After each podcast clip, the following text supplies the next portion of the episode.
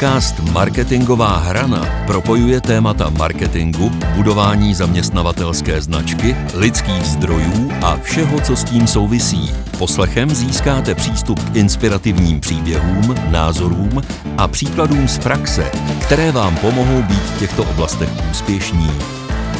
Moderuje Kateřina Močáriová www.mocariova.cz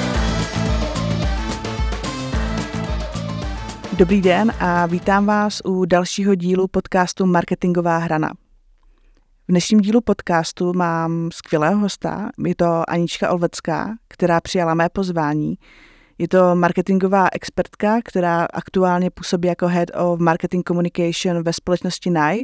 V dnešním díle si budeme povídat o různých výzvách, které Aničku čekají, o její kariéře, o leadershipu, taky o novinkách v marketingu, employee brandu a taky i hiringu, nebo respektive HR, takže to bude velmi zajímavé a těším se na to. Aničko, vítej a děkuji, že si přijala mé pozvání.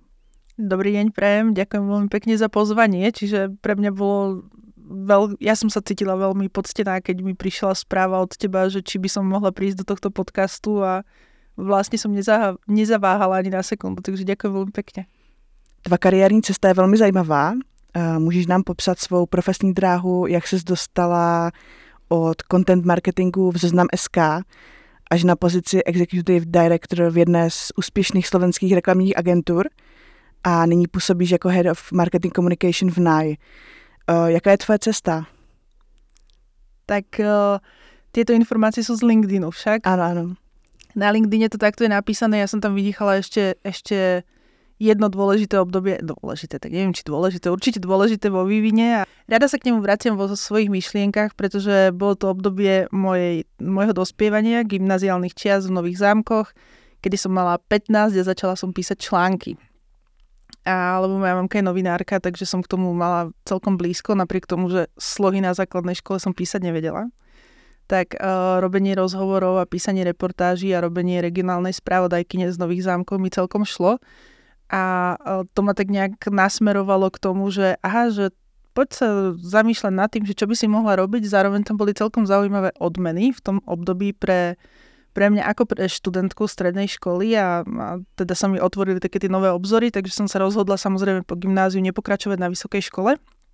Prišla som do Bratislavy a uh, snažila som sa nájsť si prácu. Vedela som, že písanie to nie je, že moja mamka je novinárka telom i dušou, ale ale pre mňa toto nie je niečo, čo by, čím by som, vôbec som si nevedela predstaviť, že teraz by som mala písať do konca života, absolútne.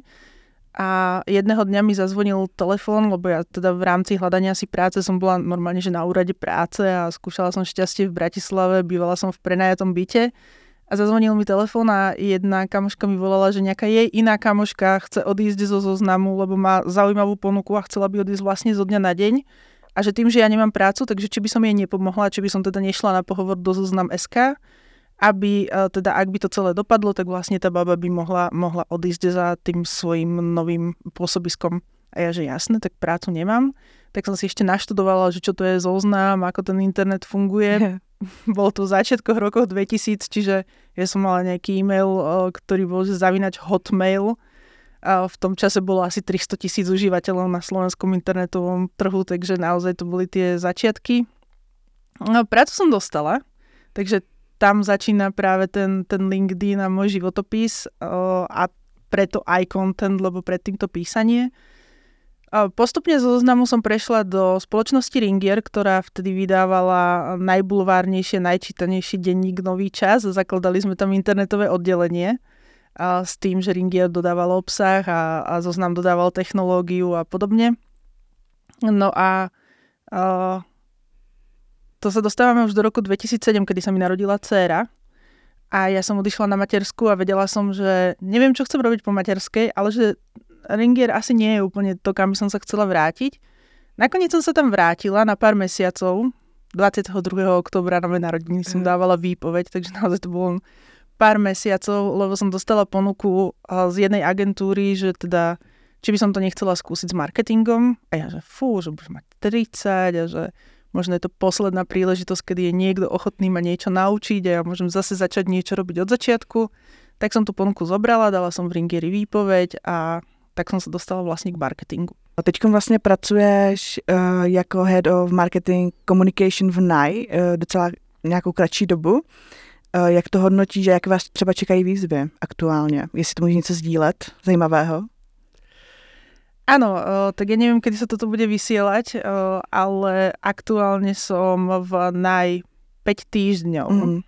Čiže, alebo inak, môžem to kľudne povedať aj tak, že v naj som od 1. septembra roku 2023 a Zatiaľ to hodnotím veľmi, veľmi pozitívne. Je pravda, že trošku som čakala, lebo teda moja, moja marketingová cesta bola cez agentúry, že ten život v agentúrach je veľmi hektický, každú chvíľu sa tam prepína z jedného klienta na druhého a naozaj to tempo práce je veľmi vysoké. A vždy som si tak hovorila, že OK, že na klientskej strane je to asi jednoduchšie, že tak minimálne neprepíname z klienta na klienta, stále riešime tie isté vlastne problémy, tie isté otázky, tá istá cieľová skupina, tie isté ciele, takže asi to bude jednoduchšie. Pravda je, že to tempo, ktoré je v naj, uh, ma dosť zaskočilo, vlastne som nebola úplne pripravená na, na to tempo, alebo teda v mojej hlave tá predstava bola trošku iná.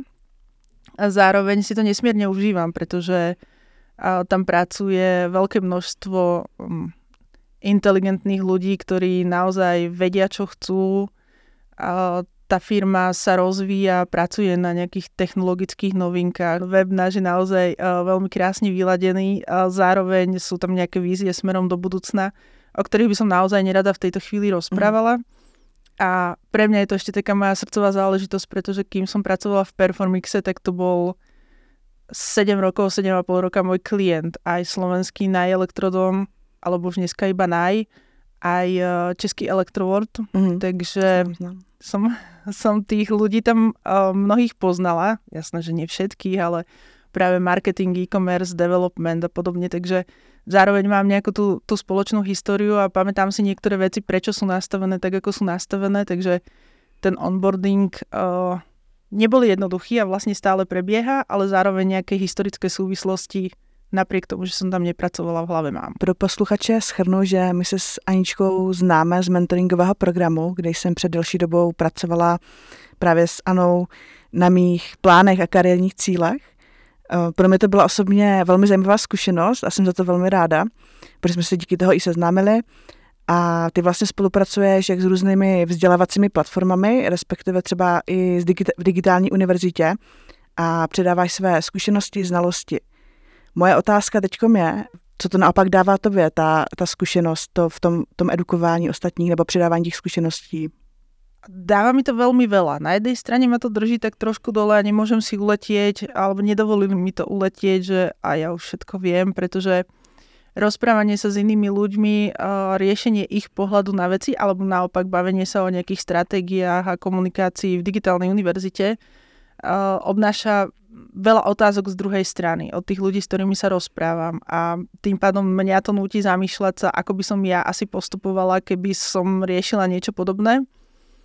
A, um, a toto, je, toto je tá, nechcem povedať, že adrenalín, ale svojím spôsobom áno, že keď uh, aj na digitálnej univerzite máme prvú session men- mentoringu a mám tam zrazu uh, troch ľudí, ktorých vidím prvýkrát v živote a oni mi začnú rozprávať o nejakých svojich projektoch a kde sa práve nachádzajú a kam by to chceli posunúť, tak ja akože fakt musím naozaj premyšľať a snažiť sa vžiť do toho a a nastaviť to tak, aby to dávalo hlavu a petu, ale je to v zásade je to v zlomkoch sekúnd až minút, že tá interakcia je tam veľmi, veľmi dôležitá, čiže dáva mi, drží ma to dole, dáva mi to taký istý typ pokory, zároveň je to pre mňa neskutočne inšpirujúce, ako iní ľudia na sebe dokážu pracovať, ako dokážu obetovať svoj čas a zrovna tá digitálna univerzita beží pol roka, každú jednu sobotu, okrem prázdnina Vianoc, e, do toho sú domáce úlohy, sú tam skúšky.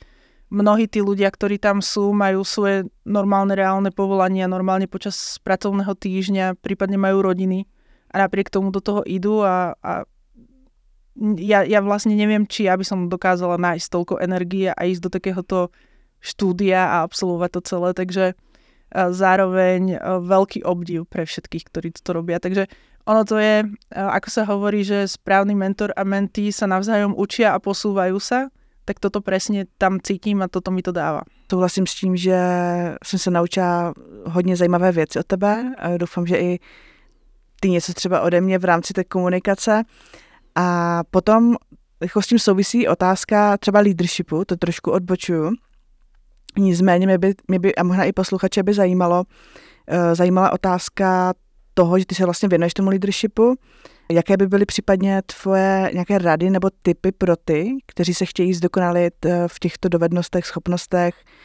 Jsou nějaké třeba konkrétní rozvojové aktivity, které bys v rámci leadershipu doporučila? Ja veľmi nerada odporúčam a generalizujem, že čo je dobré a čo nie je dobré použiť a čo je tá 100% istota a 100% cesta, ako sa niekam dostať, pretože každý máme nejaký iný set zručností a vedomostí, iné množstvo energie a zápal a, a aj inú motiváciu na to, aby sme sa niekam dostali ale za mňa, mm, ak chcem, alebo teda ako by som si ja vyberala niekoho, alebo ako si ja vyberám niekoho, koho rady počúvam a kam, e, za kým idem, e, keď sa chcem poradiť, tak určite mm, pre mňa game changer, alebo teda veľmi dôležitá veta bola, ktorú som niekde našla, že že uh, prečo sa trápite nad tým, čo hovoria ľudia, ako ktorým by ste si poradu nešli. A vtedy som sa začala pozerať vlastne na ľudí okolo seba trošku inak, že aha, že dobre, tak ty hovoríš toto, ale že keby som ja mala problém, prídem ja za tebou, pýtam sa um, na tvoj názor, chcem od teba radu.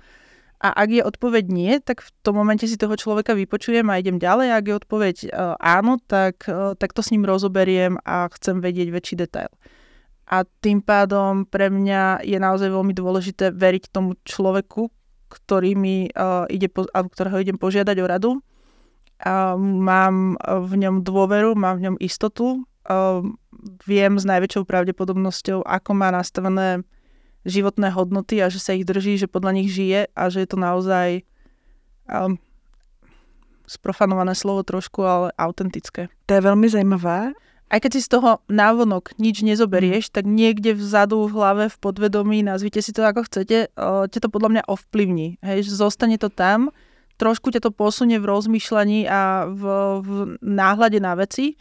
Čiže v momente, preto je veľmi dôležité vybrať si ľudí, s ktorými sa rozprávaš, s ktorými sa stretávaš, prípadne ktorým sa zdôveruješ, pretože že oni ťa naozaj ovplyvňujú, že to je zase nejaký ďalší iný výrok, ja ich teda necitujem, lebo si ich moc dobre nepamätám od slova do slova, ale, ale parafrázovať ich môžem, hej, že, že si priemerom piatich ľudí, s ktorými sa stretávaš, pretože oni formujú tvoj pohľad na svet, formujú uh, tvoje rozmýšľanie a vôbec všetko to, ako pristupuješ k životu a, a aj čo sa ti vlastne deje, hej, že keď sa budeš stretávať s ľuďmi, ktorí stále budú hovoriť o tom, ako je celý ten svet zlý a ako, ako sa im nedarí a ako, ako sú všetci ostatní na vine, len, len teda oni sú tí skvelí, tak o chvíľočku začneš aj ty tak na svet nazerať veľmi negatívne.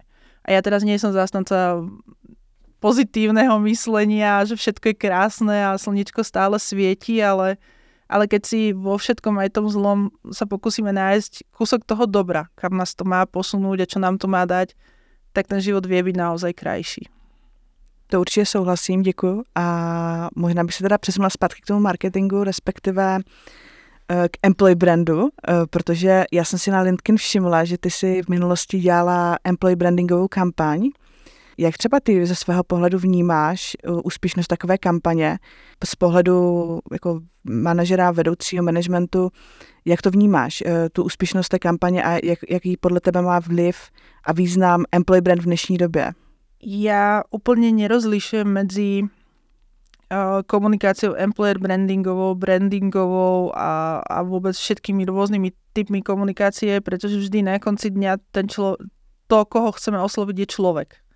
A či je ten človek uh, pre nás zaujímavý, pretože reprezentuje firmu a chceme ho osloviť, lebo B2B segment, alebo je to náš potenciálny e, zamestnanec a preto ho chceme osloviť, alebo je to náš potenciálny klient, a teraz myslím normálne takéto B2C e, koncového zákazníka, tak, e, tak stále je to človek.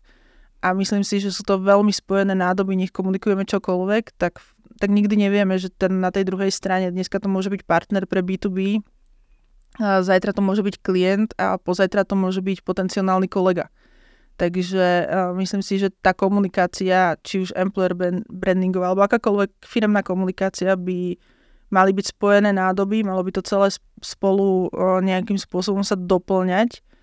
A dneska pracujem v NAJ a ja viem, že máme veľa ľudí, ktorí v NAJ nakupujú a nikdy nevieme, že kto z nich, či už v NAJ pracoval, alebo niekto z ich rodiny bude pracovať, alebo, alebo oni budú pracovať, tak dneska to nevieme a určite chcem, aby na nich nejakým spôsobom ten brand pôsobil, aby mali z neho nejakú emóciu, nejaký pocit, aby vedeli, prečo tam idú nakupovať. Chcem veriť, že to nie je e, kvôli akciám a zľavám a podobne, ale že tam je aj nejaká vyššia, vyššia pridaná hodnota. A to sa vlastne premieta aj do toho employer brandingu, že keď raz firma tvrdí, že je férová, tak máme nastavené férové podmienky pre dodávateľov, férové podmienky pre zákazníkov a férové podmienky pre zamestnancov. Čiže toto je asi tá hlavná odpoveď, že ten employer branding veľmi súvisí so samotnou brandingovou kampaňou. Ty si vlastně hovořila o tom, že o emocích, jako v marketingu nebo v, tom, v té brandové uh, části. Uh, to je určitě zajímavé téma, protože já si myslím, z mého pohledu je důležité ukázat nebo vyvolat v tom člověku, když se bavíme o tom brandu nebo employee brandu, právě tu emoci, tu pozornost. A taky to platí vlastně u těch potenciálních kandidátů, které v, tom, v té employee brandingové kampani můžeme, nebo taky nemusíme zaujmout. A s tím se pojí třeba i nějaká jako osobní značka a k tomu bych se možná trošku posunula, protože ty jsi hodně aktivní na LinkedIn eh, v rámci svých aktivit, eh, máš tam docela hodně follow, nebo sledujících a ta aktivita tam je u tebe relativně vysoká. Stalo se ti třeba někdy v nějakém pracovní situ, nějaké pracovní situaci nebo v osobním životě, že třeba ten, ta osobní značka pomohla, ten osobní brand? Um, zažila si něco takového? Určite áno. Akože asi si nevybavím úplne teraz, teraz konkrétnu situáciu, ale možno kým budem pokračovať v rozprávaní, tak mi nejaká aj, aj na pozadí napadne. Ale určite, a ja si nemyslím, že personálny brand alebo osobná značka je len u ľudí, ktorí komunikujú na LinkedIn a majú tam veľa followerov, ale ale ten svoj otlačok si zanecháme kdekoľvek e, sa nachádzame. Čiže ja keď chodím stále do tej istej kaviárne, tak e, a je tam stále tá istá pani, ktorá mi tú kávu robí, tak niekde jej to v hlave cvakne a vidí ma tam, ja neviem, každý deň, takže zrazu ona ma nejako vníma a v podstate ten jej pohľad na moju osobnosť a na moju, ja neviem, personálnu osobnú značku je iný, ako, ako keď komunikuješ na LinkedIn a podobne. Čiže že akákoľvek o, vlastne prezentácia alebo stretnutie sa s kýmkoľvek alebo vôbec vystupovanie je v podstate odrazom tvojej nejakej osobnej značky alebo osobnosti a nemusí to teda súvisieť len so sociálnymi sieťami, ale áno, platí, že na LinkedIne sa snažím byť aktívna. LinkedIn je sociálna sieť, ktorú mám asi momentálne najradšej zo všetkých sociálnych sietí, ktoré máme. Baví ma, pretože tie diskusie, ktoré tam sú, sú naozaj pre mňa zaujímavé, bavia ma tí ľudia, mm, vôbec tie, tie rozhovory v tých jednotlivých, aj tie príspevky samotné, aj tá, aj tá diskusia teda pod tými príspevkami. Častokrát sa mi stalo, lebo mám zo pár takých známych, ktorí sú vyslovene, že moji LinkedInoví kamaráti, že, že takto cez nejaké diskusie a príspevky to niekde cvaklo a, a začali sme spolu komunikovať. S niektorými som sa teda aj osobne potom stretla. A souhlasím s tím, že ten osobní uh, kontakt v tom offline prostředí, uh, ta, ta značka jako taková, že je taky důležité, jaký uděláš dojem uh, na ty ostatní lidi. I v tom online prostředí tam je jaké, jakési podhoubí, které si můžeš vybudovat pro ten osobní kontakt. A mě, třeba jako zajímá, jestli třeba to někdy pomohlo v nějaké situaci, například někomu to může pomoct uh, v hledání práce nebo v nějakém, nějakém důležitém obchodě nebo něco takového. Sa mi stalo, že, eh, že ma na nejak ale to bola vyslovene buď konferencia, alebo marketingová akcia, alebo niečo také, že nebolo to, že na ulici ma oslovili, že, že dobrý, že vás poznám z LinkedInu a teším sa, že vás, že vás poznávam. Zároveň, keď eh, som si teraz hľadala prácu, tak myslím si, že to povedomie, ktoré v marketingovom svete o mne je, mi pomohlo vlastne si tú prácu nájsť a, a prišlo aj niekoľko ponúk a stretnutí so zaujímavými ľuďmi. A myslím si, že to bolo práve e, vďaka LinkedInu. Mnohé z nich boli vďaka LinkedInu, pretože som tých ľudí vlastne videla prvýkrát, prvýkrát sme sa stretli a aj ma kontaktovali dokonca cez mm. LinkedIn, že nebolo to, že by mali na mňa nejaký iný kontakt, hoď moje telefónne číslo ja mám od roku 1999, čo znie vlastne tak hrozitánsko, strašne dávno, ale naozaj mám to číslo dlho. Takže áno, myslím, myslím si, že mi to pomohlo, že mi to um, nejakým spôsobom, um, a nechcem povedať, že uľahčuje cestu, ale skôr uh, aj teraz niektorí naši dodávateľia, ktorí ma evidujú a bavíme sa o nejakej marketingovej komunikácii, marketingovej stratégii, tak majú väčšiu dôveru voči tomu, čo im hovorím, pretože že im to tak nejak počiarkuje, že tam nejaký ten sociálny prúf toho, že, že asi ona vie, o čom hovorí, keď sa tomu venuje a, a tak. Takže uh, ja som veľkým zástancom budovania si osobného brandu a osobnej značky a myslím si, že by to ľudia mali robiť. A veľmi zaujímavé na tom LinkedIne je to, že sa mi často stáva, že uh, mi niekto povie, že, že sleduje mňa na LinkedIne aj že vidí moje príspevky, ale vlastne ich nikdy neokomentoval ani ich nikdy nelajkoval. Až keď sme sa osobne stretli, tak sa k niečomu vyjadril. To je tiež veľmi zaujímavý fenomén. O tom jsem taky slyšela, mě e, někdo říkal taky, že mi sleduje, ale že to nekomentuje, nelajkuje, což je docela zajímavé. Nevím, proč to tak je, protože když někoho z mého pohledu něco zajímá třeba, tak e, ta interakce by tam měla být, ale pokud se s člověkem jako potkáš osobně, tak to je, asi má, má to větší váhu, si myslím, potom už v rámci uh, té komunikace, toho vztahu, který třeba naváží s tím člověkem. Pre mňa osobne určite LinkedIn algoritmus hovorí niečo iné, čiže záleží, čo je zase tvojim cieľom. Ja komunikujem na LinkedIne preto, lebo uh, pre mňa je to priestor, ja si nepíšem denníky, ne, nerobím si nejaké iné záznamy niekde inde a v podstate si to tam tak ukladám na ten LinkedIn a niekedy sa k tomu vrátim, niek- niekedy uh, niekto zareaguje na niečo staršie a vrátim sa k tomu práve cez toto, čiže ja si to tak na ten LinkedIn odkladám a robím to sama pre seba, lebo mi to príde, že aha, toto ma zaujalo a nechcem na to zabudnúť, alebo toto sa udialo a, a, a chcem, aby to vedel buď nejaký užší kruh mojich známych, alebo možno niekedy aj, aj, aj ten širší kruh známych, hlavne keď teda propagujem firmu, pre ktorú mm. práve pracujem, že keď je to, že aha, v NAI sme teraz urobili niečo skvelé, pozrite sa na to, tak to je samozrejme iný typ komunikácie, ako keď poviem, že OK, tak bola som na konferencii a zaujalo ma toto, toto, toto. Možná bych se ještě zeptala, byla si třeba, nebo určitě si byla v pozici, jako v minulosti, eh, kdy si například potřebovala někoho do svého týmu nebo do svých týmů. Eh, stala si taková situace eh, v minulosti třeba, že si potřebovala nějaké marketingové experty, které si například osobně vyhledávala, nebo respektive komunikovala si s nimi a chtěla si je ovlivnit, aby, aby třeba pracovali v nějaké firmě XY? Tak o, určite už aj z pozície vedenia triadu, aj, aj teraz z pozície vedenia si nejaká svoje tým, aj predtým vlastne v agentúre um, sme a hľadali ľudí, doplňali sme tým, čiže áno, v tejto pozícii som samozrejme bola a dokonca keď už sme spomínali ten LinkedIn, bola som aj v pozícii, kedy som priamo cez LinkedIn mm. oslovovala ľudí, že álo, že máme takúto takúto voľnú pozíciu a podľa tvojho profilu to vyzerá veľmi super, že by to mohlo sadnúť, že chceš sa vôbec s nami baviť alebo nie, alebo že tomu určitě pomáhá i ta osobní značka vlastně v rámci toho hajrování, když se trošku odbočíme. A je něco, co bys třeba doporučila lidem nebo třeba ve tvé pozici, kteří potřebují získat nějakého top kandidáta nebo marketéra, někoho do týmu, eh, co bys jim třeba doporučila ze své jako zkušenosti, kdyby chtěli získat nějakého top uh, kandidáta? Ja sa musím priznať, že asi nikdy som um, nehľadala vyslovene niekoho konkrétneho, že vedela som, že aha, tak toto, tento človek XY je človek, ktorého určite, určite chcem do svojho týmu a išla som ho hľadať. Stalo sa mi, že, že sme mali voľnú pozíciu a na tú pozíciu som hľadala ľudí a, a pozerala som si teda LinkedIn a, ich, a pozície tých ľudí a potom som si vytipovala a chcela uh, daného človeka získať.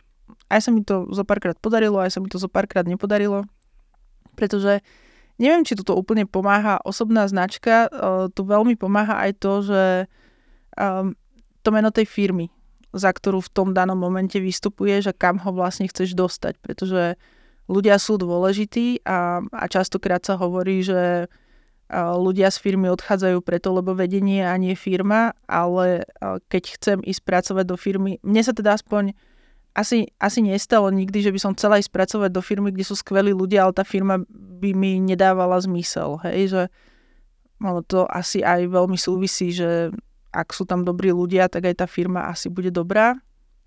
Predpokladám, že tam tá, táto súvislosť je. A, ale neviem, a na, to, na toto úplne nemám, nemám odpoveď. Mm. Neviem, čo robiť. Akože, keď sa mi niekto páči a chcela by som ho do týmu a mám ten priestor toho človeka uh, zobrať, mám na neho headcount a mám mu čo ponúknuť, tak ho oslovím a bavíme sa. A buď to vyjde, alebo to nevyjde. Je tam príliš veľa premenných na to, aby existovalo nejaké generálne univerzum, ktoré nám určitě pomůže.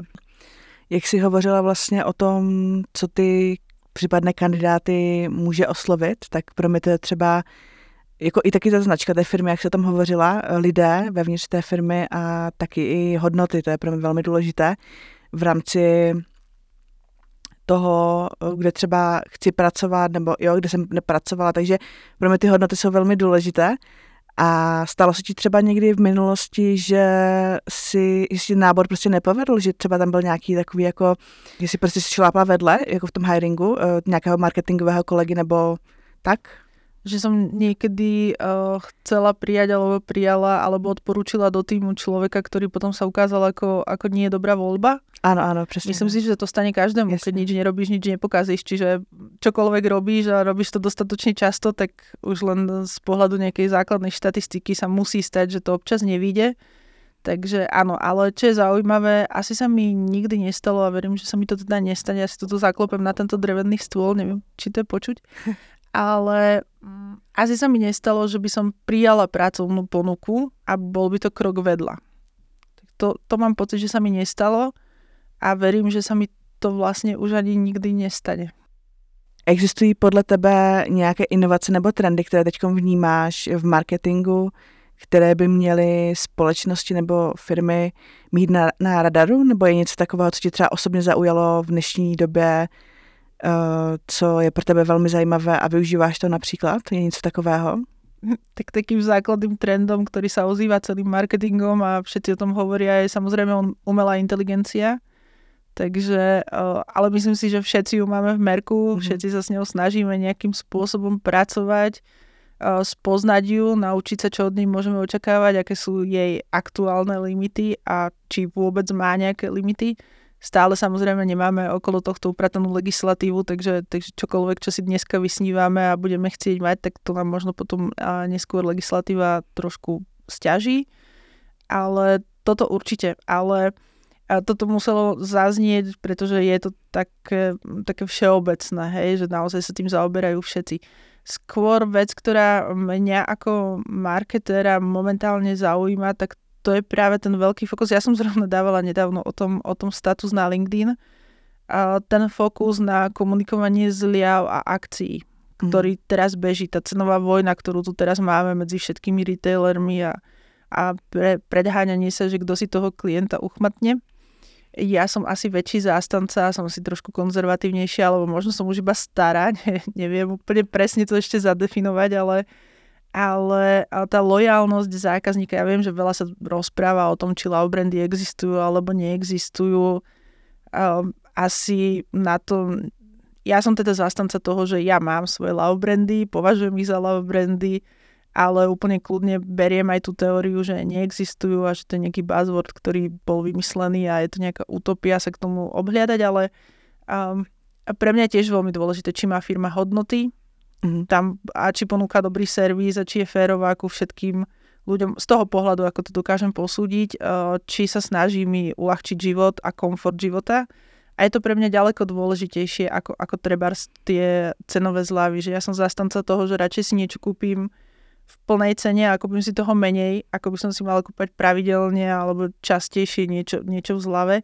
Aj keď teda Black Friday sa snažím využiť samozrejme, tiež som len človek. Čiže, aby som sa vrátila naspäť k tej, k tej otázke inovácie a trendy a to, áno, umelá inteligencia na jednej strane, ale, ale z toho marketingového pohľadu možno trošku viacej sa sústrediť naozaj na to budovanie, budovanie toho brandu, možno šírenie toho nejakého lepšieho dobra, aj keď akože toto není úplne inovácia, toto je nejaká základná potreba, ktorú ja cítim, že, že, by, to, že by to malo byť, ale malo by sa o tom viacej rozprávať a malo by to byť práve tým novým trendom, na ktorý sa ideme pozerať, že či tie značky, ktoré tu máme, majú nejakú ďalšiu hodnotu, či možno vrácajú niečo do systému, či a, a spoločnosti a, a podobne, že pre mňa sú to pomerne veľmi dôležité veci. A teraz práve bola konferencia v Prahe, na ktorej som bola a bolo tam práve z toho komunikačného hľadiska tiež dosť rozoberané, že, že či ideme tú cenovú vojnu a či sa ideme pozerať na to, že že aha, kto aké zľavy komunikuje a, a budeme v tom pokračovať, alebo sa to skrátka zastaví a, a ideme ten marketing robiť zkrátka tak, jako sa má. Když jsme se bavili teda o hodnotách, uh, jaké jsou třeba pro tebe takové klíčové hodnoty, dvě, tři, jestli můžeš sdílet, uh, co třeba je pro tebe klíčové v této oblasti, jako v práci?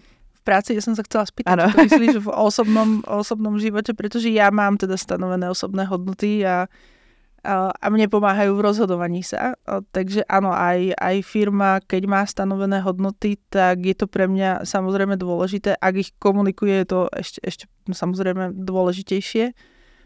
Ale ak ich aj nekomunikuje, tak samozrejme vieme, že či tá firma aké má renome, aké, aké má ohlasy, aké majú ľudia s ňou skúsenosti, ako sa správa k zamestnancom a podobne. A myslím si, že pokiaľ je tu firma, ktorá je na trhu desiatky rokov, má stovky zamestnancov, mám s ňou dobré skúsenosti, ten servis, ktorý ponúka, je dobrý, tak ani nemusím úplne naprvu poznať jej hodnoty, tak ako ich má stanovené niekde v prezentácii, ale už toto mi dáva nejaký signál, ako asi tá firma funguje. Čiže pre mňa je to určite tá férovosť tam zohráva veľmi veľkú úlohu, ale aj možno nejaká zodpovednosť Mm-hmm.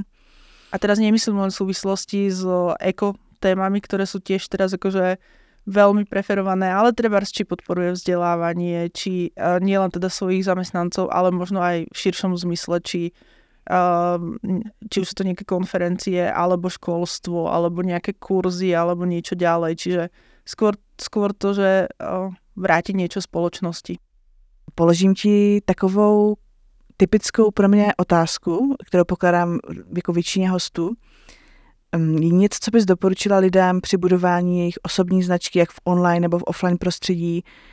Uh, už jsme se bavili o tom, proč je to dobré, uh, to budovat tu osobní značku a jestli uh, je nějaké doporučení, jak s tím začít, nebo kdyby nás poslouchal někdo, kdo by zase chtěl si vybudovat tu svoji osobní značku, co bys mu třeba doporučila nebo jí? Hlavne začať.